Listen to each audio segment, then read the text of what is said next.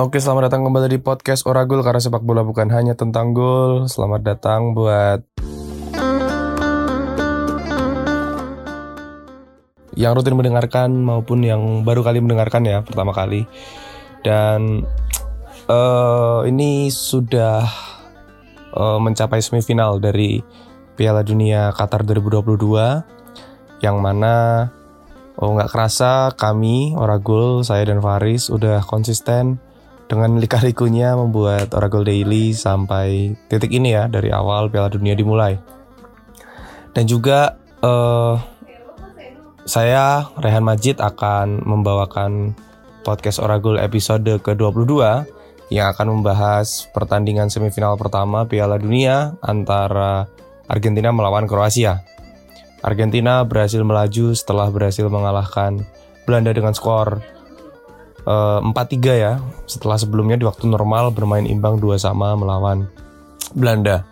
Kemudian uh, Kroasia lolos setelah berhasil mengalahkan salah satu tim favorit lainnya yaitu Brazil.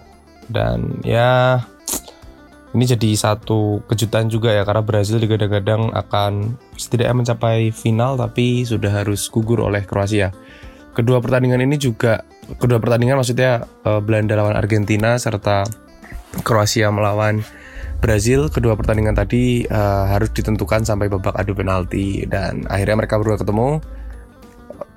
Finalis 2018 adalah uh, Kroasia sementara finalis 2014 ada Argentina. Kini kedua tim itu bertemu di semifinal Piala Dunia 2022 ini akan jadi pertandingan yang menarik karena Lionel Messi hanya butuh dua kemenangan lagi untuk merengkuh, meraih, mengangkat trofi Piala Dunia pertama ya, sekaligus melengkapi missing piece dari uh, trofi-trofinya gitu ya. Sedangkan uh, Luka Modric dan kawan-kawan sepertinya juga punya ambisi untuk meraih hasil yang lebih baik karena sebelumnya mereka runner up ya dan mungkin mereka akan mencoba peruntungan di gelaran kali ini untuk setidaknya bisa mencapai final lagi dan lebih baik ketika mereka bisa membawa pulang trofi Piala Dunia pertama buat Kroasia. Pertandingan ini bakal cukup menarik karena uh, apa ya? Aku ngelihatnya Argentina punya kemampuan menyerang yang bagus. Mereka punya kombinasi pemain-pemain yang total dalam menyerang dan untuk pertahanan mereka juga nggak kalah solid gitu. Bahkan uh, di lini pertahanan mereka Otamendi yang sekarang udah nggak main di uh, apa ya klub-klub teras Eropa sekarang dia di Benfica. Kalau nggak salah di Benfica ya.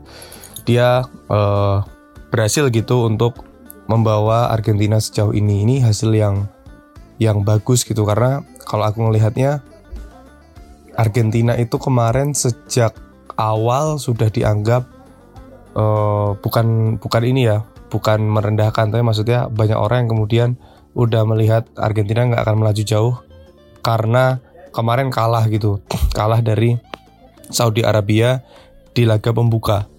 Mereka kalah dari Saudi Arabia dan mulai banyak orang skeptis karena sebelumnya mereka sudah di apa ya digandrungi, sudah diberikan banyak ekspektasi soal perjalanan di Piala Dunia.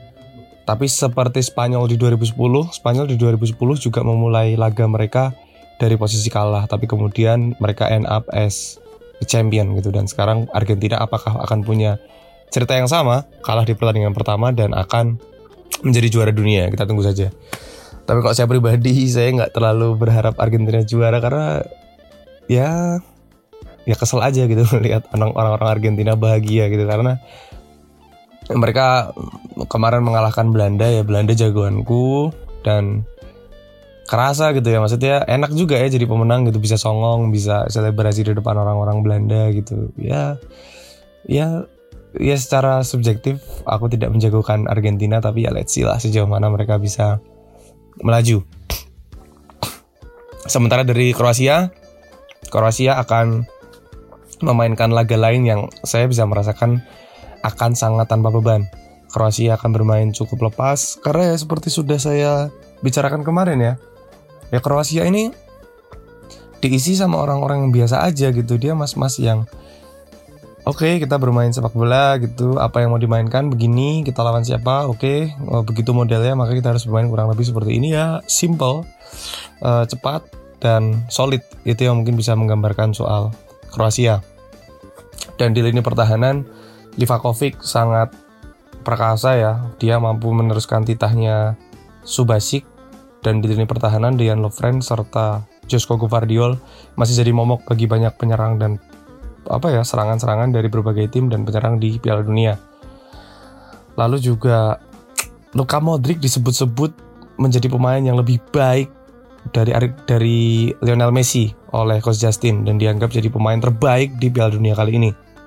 Meskipun itu masih bisa didebat dengan permainan solid lainnya dari pemain Maroko yaitu Sofian Amrabat ya. Tapi maksudnya aku ngeliat Kroasia ya mereka punya orang-orang yang bermain di role-role yang tepat dia expert di bidangnya masing-masing dan aku sangat menikmati Kroasia bermain bertahan dengan solid, menyerang dengan cepat dan di lini tengah katalisator itu bernama Luka Modric. Dia adalah dirijen di opera uh, Kroasia. Kayak gitu. Nah, nanti ke depannya uh, di hari-hari ke depan mungkin kita akan bisa melihat banyak ini ya uh, prediksi. Tapi kalau prediksiku pribadi, aku um, prediksi Kroasia akan melaju ke final untuk kedua kalinya dan uh, opini lain buatku bagi Kroasia ya Kroasia selain mas-mas biasa-biasa yang tadi saya sebutkan mereka juga nggak terlalu banyak berkicau dan bikin statement yang aneh-aneh di media gitu entah ini emang instruksi pelatih atau yang mereka berkomitmen aja untuk nggak terlalu banyak apa cang-cincong di luar urusan sepak bola. Uh, itu pertama dan yang kedua juga mereka nggak terlalu melakukan banyak protes entah mereka sedang dalam di posisi diuntungkan atau memang mereka ya mengambil semua kondisi yang ada di lapangan sebagai ya itu bagian dari pertandingan sehingga mereka nggak terlalu banyak komplain. Ya kita tahu sendirilah setelah uh, pertandingan 8 besar kemarin usai banyak pemain-pemain dari berbagai negara melakukan protes terhadap ofisial pertandingan. Dalam hal ini pelatihnya itu ya. Eh pelatih uh, wasit.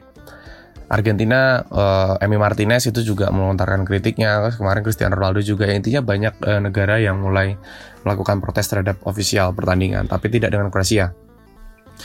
Dan itu membuatku semakin jatuh cinta dengan Kroasia karena ya mereka betul-betul ya fokus on the football dan mungkin itu yang akan menjadi kunci keberhasilan mereka di Piala Dunia kali ini ya mungkin itu aja sih preview singkat dari aku Uh, terima kasih buat yang sudah mendengarkan dan semoga Kroasia menang. Terima kasih sudah mendengarkan. Sampai jumpa di podcast Oragol dan Oregol Daily selanjutnya. Dadah.